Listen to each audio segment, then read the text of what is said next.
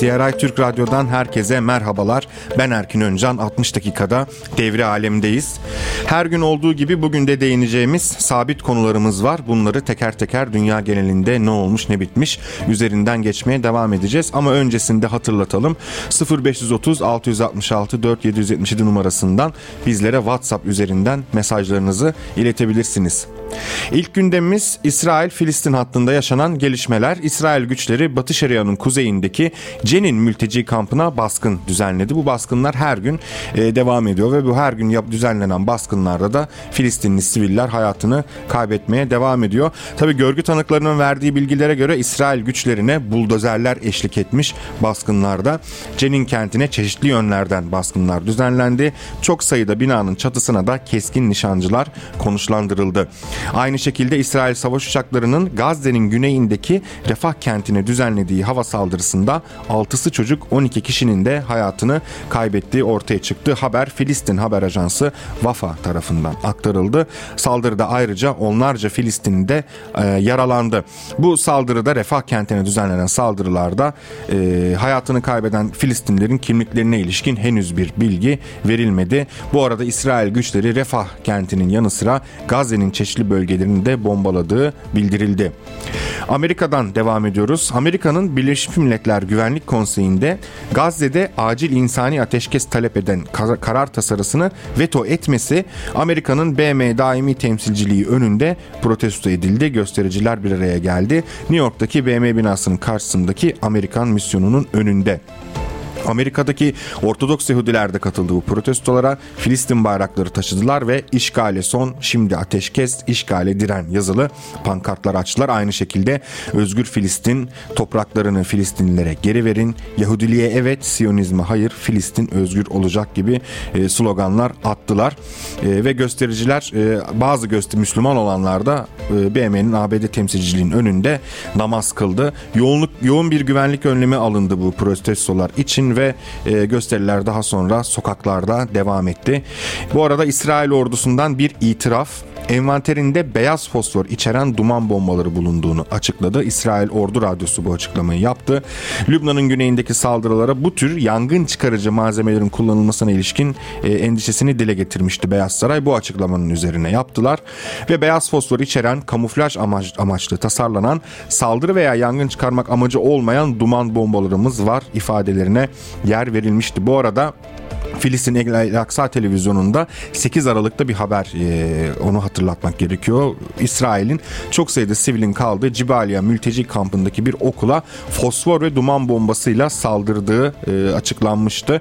O El Aksa televizyonu muhabiri Enes Şerif şu an işgalci, işgalciler Cibaliya mülteci kampında sığınmacıların kaldığı bir okula çok sayıda fosfor ve dumanlı bombalar yağdırıyor diyerek olayı açıklamıştı. Bu arada Washington Post gazetesi de İsrail'in Lübnan'ın güneyini düzenlediği ve 9 kişinin yaralandığı saldırıda Amerikan yapımı beyaz fosforlu top mermilerinin kalıntılarına da ulaşmıştı. Washington Post'un haberine göre bölgedeki muhabiri aktarıyor. İsrail ordusu 16 Ekim'de Dahayre Belediyesi'ni hedef alan saldırılarda kullandığı beyaz fosforlu top mermilerinin parçaları bulunmuştu. İran ve Çin hattında önemli bir e, gelişme var. İran Dışişleri Bakanı Hüseyin Emir Abdullahiyan'la Çin Dışişleri Bakanı Wang Yi Filistin'deki son gelişmeler başta olmak üzere çok taraflı ve bölgesel konuları görüştü ve e, bu konuyla ilgili bir açıklama yayınlandı. Telefon görüşmesi gerçekleştirildi ve açıklamada iki bakanın Filistin'deki son gelişmelerle e, bölgesel diğer konulara ilişkin fikir alışverişinde bulunduğu belirtildi. Abdullahiyan İran Dışişleri Bakanı Amerika'nın Birleşmiş Milletler Güvenlik Konseyi'nin tarihinde Gazze'de insani nedenlerden dolayı acil ateşkes talep eden kararını veto etmesine dikkat çekmiş ve Gazze'de soykırımın durdurulması için Çin'in aktif rol oynaması gerektiğini ifade etmiş. Abdullahiyan ayrıca Gazze'ye yönelik saldırılar derhal durdurulmadığı takdirde bölgede bir patlama yaşanması ve kontrolün tüm tarafların elinden çıkması ihtimalinin bulunduğunu da e, belirtmiş. Aynı zamanda Çin Dışişleri Bakanı Wang da Birleşmiş Milletler Genel Kurulu toplantısının yapılacak bölgede ateşkesin sağlanması için bir fırsat olmasını umduğunu kaydetmiş ve bakanlar ikili ilişkilerin ilerlemesinden duydukları memnuniyeti de dile getirmişler ve istişare ve diyaloğun devam ettirilmesi yönünde yönünde e, vurguları bulunmuş. Amerika'da protestolar devam ediyor. Yahudi protestocular da ayrı bir eylem düzenledi. Gazze'de ateşkes talebinde bulunuyorlar bu protestocular ve kendilerini Beyaz Sarayı çevreleyen çitlere zincirledi Yahudi protestocular. Bu Yahudi protestocular Siyonizme karşı olan Yahudi protestocular Amerika'da güçlü bir çevre var böyle. Çünkü e, Siyonizm e, dediğimiz ideoloji İsrail'in aslında bölgedeki yayılmacılığının esas e, motivasyonu. İsrail kurulduğu günden bu yana Siyonist ideolojiyle bölgede e, doğrudan sivilleri de hedef alan çok sayıda saldırı düzenledi. Ama e, tabi Siyonist olmayan e, ve İsrail'in bu yayılmacı politikalarına karşı çıkan e, ciddi e, miktarda Yahudi de var ve Amerika'daki Yahudiler de sık sık e, eylem düzenliyorlar bu konuyla ilgili. Biden'a bu soykırımı finanse etmeyi bırakması gerektiğini söylemek için buradayız diyorlar. Ve bu Yahudi göstericiler e, Washington'ın Gazze politikasını protesto etmek amacıyla kendilerini Beyaz Saray'ın çevresindeki çitlere zincirlediler. Bu arada e, İsrail'in Hamas'ın elindeki esirlerin serbest bırakılması için yeniden müzakereye hazır olduğu öne sürüldü. İsrail Kanal 12 televizyonunun haberi. İsrail müzakereye hazır deniyor haberde. Müzakere edilecek grubun ise hastalar, yaralılar ve yaşlılar olduğu bunları kapsayacağı belirtildi.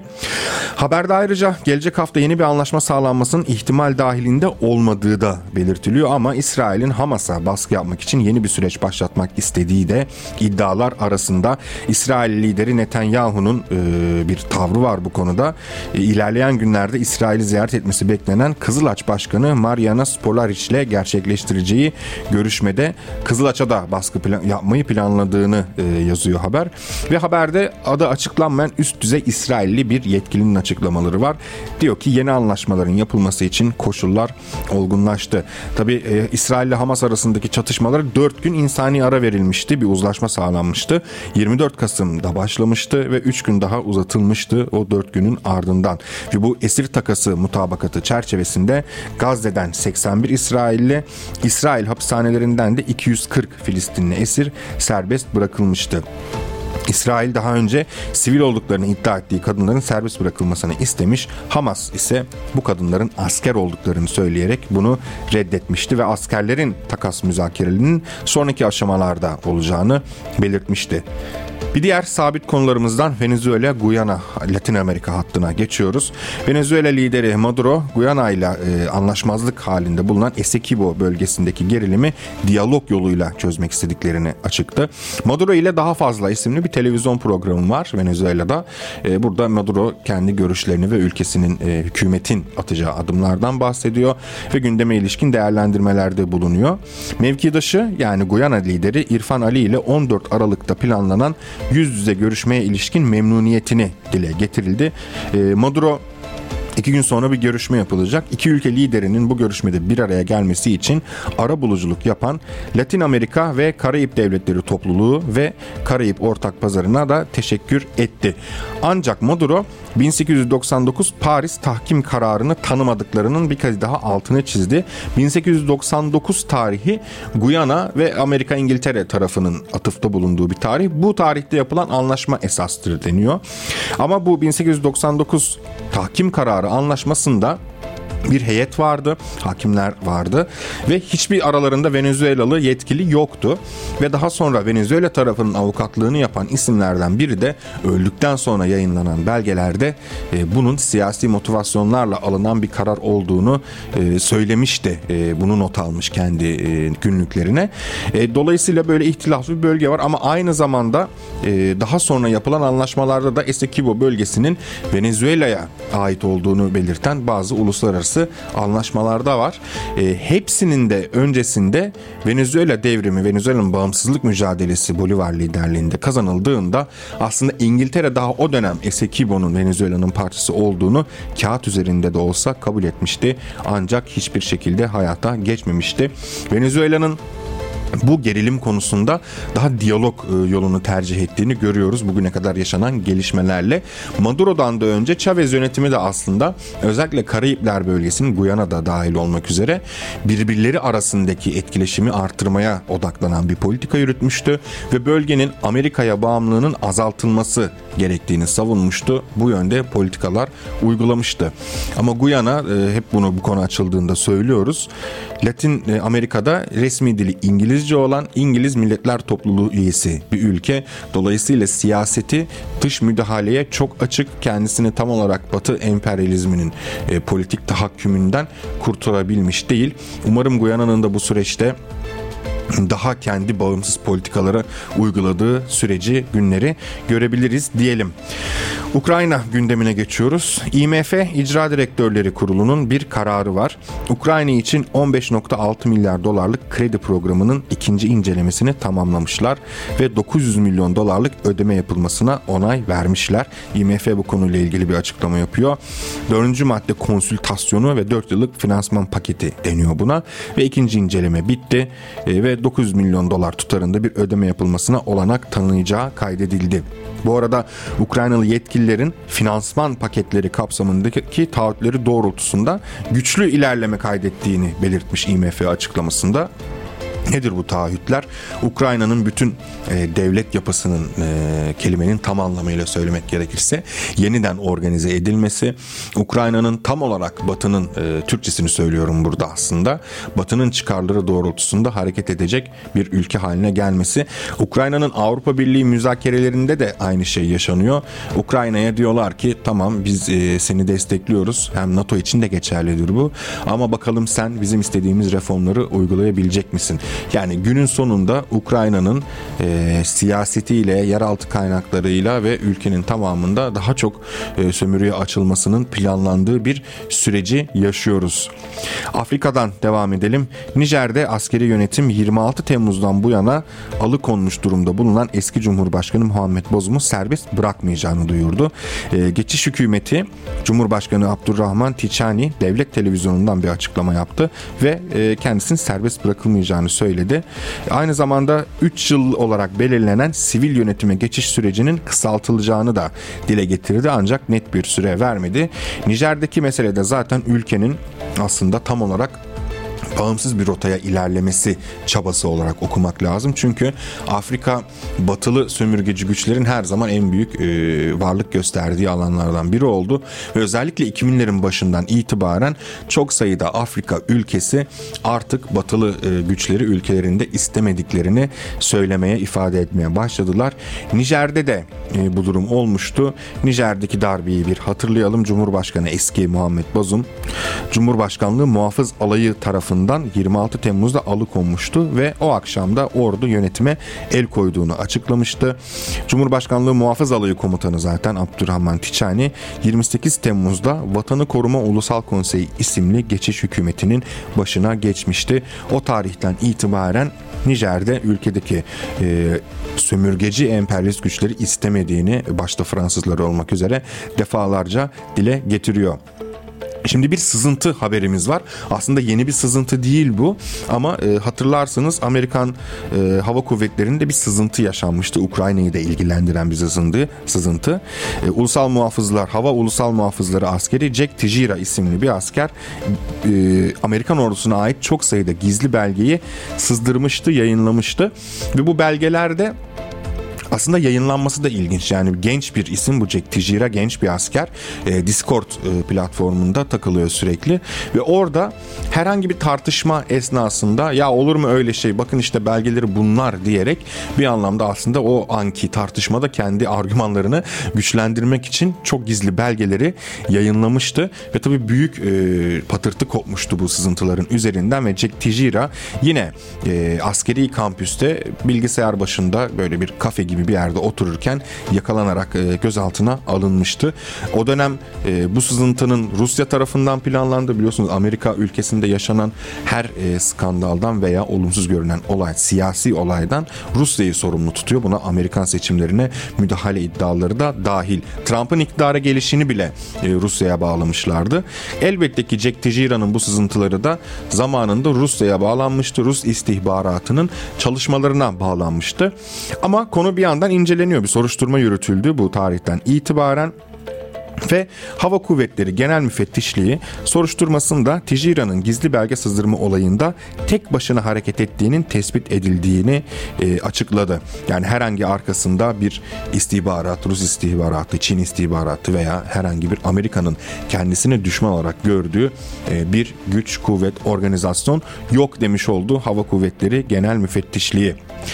Olayı hatırlayalım Massachusetts Ulusal Hava Muhafızları'nın istihbarat kanadı üyesiydi Jack Tejera. Amerikan ordusuna ait gizli belgeleri yayınlamıştı. 14 Nisan'da da gözaltında e, gözaltına alınmıştı. Bu Tejera'nın internete sızdırdığı öne sürülen belgelerde üzerinde Amerikan Genelkurmayı'nın arması bulunuyordu ve Rusya ile savaş halinde olan Ukrayna'nın savunmasındaki potansiyel güvenlik açıklarına ve ülkede aktif olduğu iddia edilen artık bu iddiadan daha da fazlası daha başka liderler de bunları açıkladı. İngiltere özel kuvvetlerinin sayısıyla ilgili bilgiler yer alıyordu.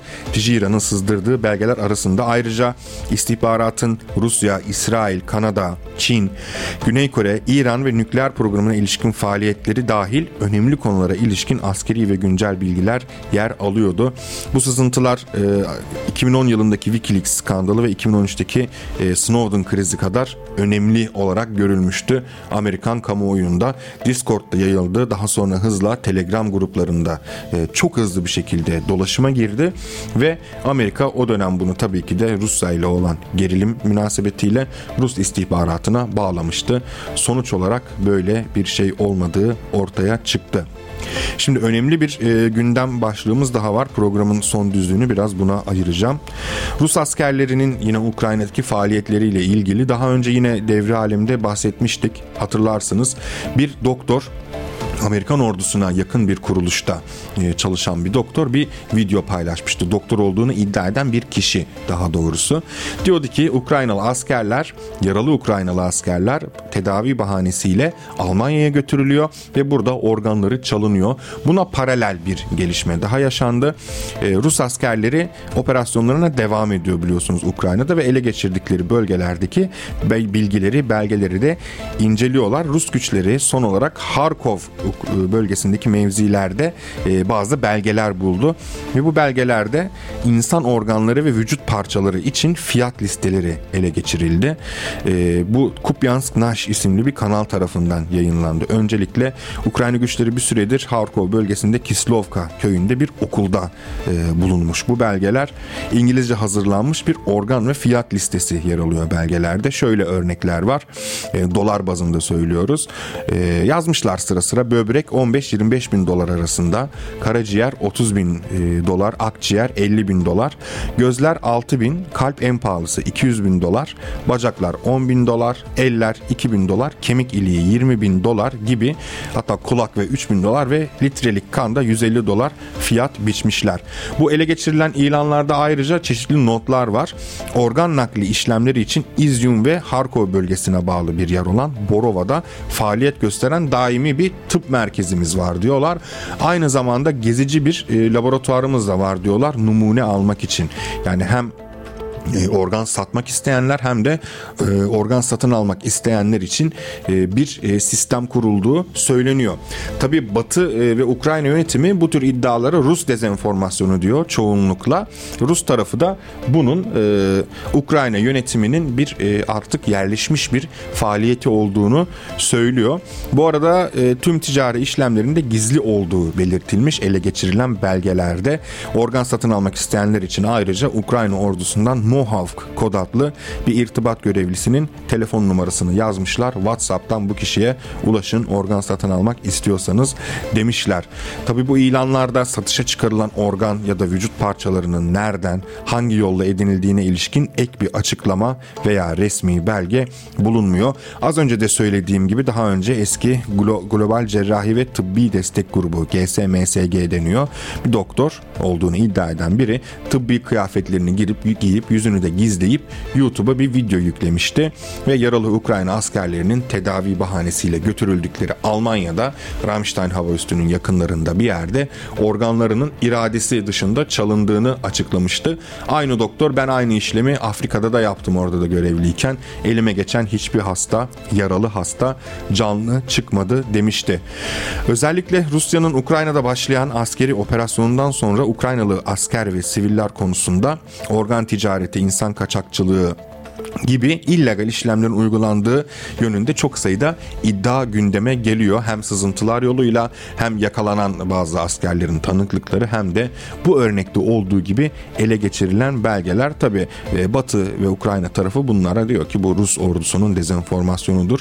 Bu yayınlanan e, geçen hafta değindiğimiz doktorun videosuna da e, Rus ajanı veya Rus dezenformasyonu dediler. E tabi onunla ilgili henüz iki tarafında iddialarını tam olarak kanıtlayacak kanıtlayacak e, bir veri daha ortaya çıkmadı. Henüz bunlar iddia düzeyinde. Ama Ukrayna'da bu tür faaliyetlerin önünü açan yasal düzenlemeler yapıldı ve bu düzenlemeler bu tür şüphelerin gerçek olabileceği yönünde e, şüpheler doğuruyor. Çünkü Ukrayna Meclisi Verhovna Rada deniyor. 2021 yılında 16 Aralık tarihinde insan anatomik materyalinin transferini düzenleyen bir kanunu kabul etti. 5831 nolu kanun hatta. Yani bu yasaya göre canlı bağışçı veya ölen kişinin yakınlarının organ nakli için artık noterden yazılı muvafakatname alması zorunluluğu kaldırıldı. Aynı şekilde hayattayken organ bağışı e, formu doldurmayan veya organ bağışına rıza göstermeyen kişi öldüğünde organların alın, alınamıyordu. E, Ukrayna'da geçirilen bu kanuna göre onların artık organları e, gerçek anlamda biraz kafalarına göre alınabilir hale getirildi ve prosedür önemli ölçüde basitleştirildi. Hatta bu organ nakli işlemlerinde imza doğrulama uygulaması da ortadan kaldırıldı. Organ nakli ben organlarımı nakletmek istiyorum diyen bir kişi internete girip bir e, yeri onaylayarak aslında e, çok basitleştirdiler bu süreci.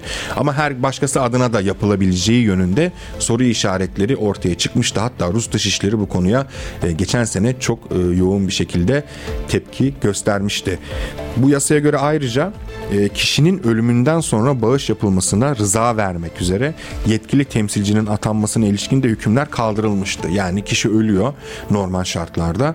Ailesinden e, ya da kendi belirlediği bir kişi organ bağışı talebinde bulunmasa bile evet bu kişinin organlarını bağışlarsınız ya da bağışlayamazsınız gibi bir şey söyleyebiliyordu ama bunu da kaldırdılar. Diyelim bir Ukraynalı öldü. E, artık o hastanenin başhekimi ya da askerse öldüğü yerin e, askeri komutanı evet bu kişinin organlarını alabilirsiniz diyebilecek. Aynı zamanda e, bu zaten iki yıldır yürürlükte olan bir yasa.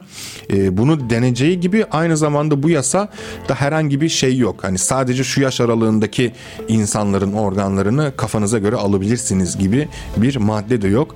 Aynı zamanda çocukların da organları alınabiliyor böylelikle yasal olarak. Yani bu arada e, sadece devlet hastaneleri de değil özel kliniklere de organ çıkarma, organ nakletme yetkisi verilmişti. Özel kliniklere yetki verilmesi şu açıdan önemli. Ukrayna'da devletin denetiminde, devletin denetiminde olmayan bağımsız veya yabancı ülke kaynaklı çok sayıda klinik bulunuyor. Tıbbi klinikler. Bunlar hatırlarsınız biyolablar da ortaya çıkmıştı. Bu tıbbi kliniklerin çoğunluğu da özellikle ülke dışından gelenleri Ukrayna'nın o devam eden Rusya'ya karşı savaşında destek olma amacıyla ülkede kurulduğu için hiçbir denetime tabi tutulmadan kuruluyor bu klinikler. E, işte bilmem nerenin sağlık kuruluşundan geliyorum ben. Burada Ukrayna askerlerine veya Ukrayna halkına tıbbi destek sunacağım diye klinik açıyorlar. Ve bu klinik hiçbir şekilde denetlenmiyor. Ukraynalı olsun yabancı olsun ki zaten ortaya çıkan belgelerin de iki dille yani İngilizce ve Ukraynaca yazılması da önemli bir veri. Bu klinikler kuruluyorlar yardım amacıyla. E, işte tedavi işlemleri yapıyorlar, ameliyat işlemleri yapabiliyorlar ama Siz bu hastalara ne yapıyorsunuz? Yani bu hastalara uygulanan tıbbi müdahalenin ayrıntılı, detaylı bir geçmişi hiçbir şekilde istenmiyor. Öyle bir yasal zorunluluk yok. Yani e, herhangi bir e, Amerikan bağlantılı olur, Batı bağlantılı olur, herhangi bir ülkeye bağlı ya da başka bir ülkeden bağımsız bir grup olarak e, Ukrayna'ya gidiyorlar. Tıbbi e, merkez açıyorlar. Tıp merkezi, tedavi merkezi diye e, ama orada hiçbir denetlemeye tabi tutulmadıkları için artık organ mı çalıyorlar, vücut parçası mı çalıyorlar, e, insanların nasıl tedavi ediyorlar, insan mı kaçırıyorlar e, hiç belli olmayan böyle çok büyük bir yasal boşluk yarattı Ukrayna hükümeti aldığı e, ya geçirdiği bu yasayla. Aynı şekilde yine Ukrayna Meclisi bu sefer 2022 yılında vergi kanununda bir düzenleme yapmıştı ve organ nakli KDV'den artık muaftır de, dedikleri 5610 sayılı yeni bir kanun daha kabul etti. Yani özetle Ukrayna'da bugün Organ nakli en kolay işlerden biri. Gerekli paranız ve organizasyonunuz varsa hiçbir şekilde denetlenmiyorsunuz. Eğer kayıtlıysanız e, KDV bile ödemiyorsunuz. Bunu özel bir tıp merkezi kurarak da yapabilirsiniz. Aracılar yoluyla da yapabilirsiniz. Ölen kişi ya da yaralı kişi o da hiç belli değil. E, sizin e, elinizde öldüyse bu kişi hayatını kaybettiyse onun organlarını siz kafanıza göre alabiliyorsunuz. Hiç onun yasal vasisi kimdir? E, birini belirtmiş mi belirtmemiş mi, ailesi nedir, ne değildir? Bütün bu kuralları yasal olarak kaldırdı Ukrayna Meclisi. Yani bunlar e, tevatür ya da çeşitli gazetecilerin ya da e, örgütlerin araştırmaları sonucunda ortaya çıkan bir şey değil. Bu haberi ben e, hazırlarken baktım Ukrayna Meclisi'ne, e, onunla yayınladıkları dokümanlarda. Evet, gerçekten de artık hiçbir e, şeyi yok, zorluğu yok organ transplas, transplantasyon işleminin. İstedikleri gibi alıyorlar yani özetle. Yani kanuni çeşitli düzenlemelerle yasal statü kazandırıldı organ nakli işine ama bunun büyük yasal boşlukları olması organ kaçakçılığının büyük oranda önünü açtı. Yani organ naklinde yasa dışı işlemlerinde e, çok kolaylaştığı bir iklim var. Şimdi böyle bir ortamda e, çeşitli iddialar dile getirilince işte Rus ordusunun iddiaları en son saydığımız iddia veya YouTube'a e, video yükleyen doktor olduğunu kişi söyleyen o kişinin iddiaları e, normalde sadece iddiadır ve bu tür bir şey de yok artık e, denecek iddialar bunlar. Çünkü e, o video yükleyen doktor da yani elimde çok sayıda hasta öldü diyor yaralıydı kurtarılabilirdi bunlar diyor. Öte yandan Rus askerleri bir video paylaştılar bununla ilgili e, belgeleri teker teker çıkarıyorlar karaciğer resmi var veya liste var. Bu bu kadar şu kadar şununla irtibata geçin diyorlar. Normal şartlarda dediğim gibi bu aslında çok da inanılabilecek iddialar değil. Yani olmaz böyle bir şeyler. Evet bir savaş devam ediyor. Bu savaş kapsamında bunlar propaganda içerikleridir denebilir çok rahatlıkla. Bu öyle de olabilir. Ama Ukrayna Meclisi'nin yasal olarak aldığı kararlar bize e, bütün bunların önünün e, önemli ölçüde açıldığını gösteriyor. Dediğim gibi daha da çarpıcı olanı bunun yasal karşılığının olması. Evet bugünlük dünya turumuzu sonlandırıyoruz. Yarın yine e, aynı saatte CRI Türk Radyo'da görüşmek üzere. Hoşçakalın. He lives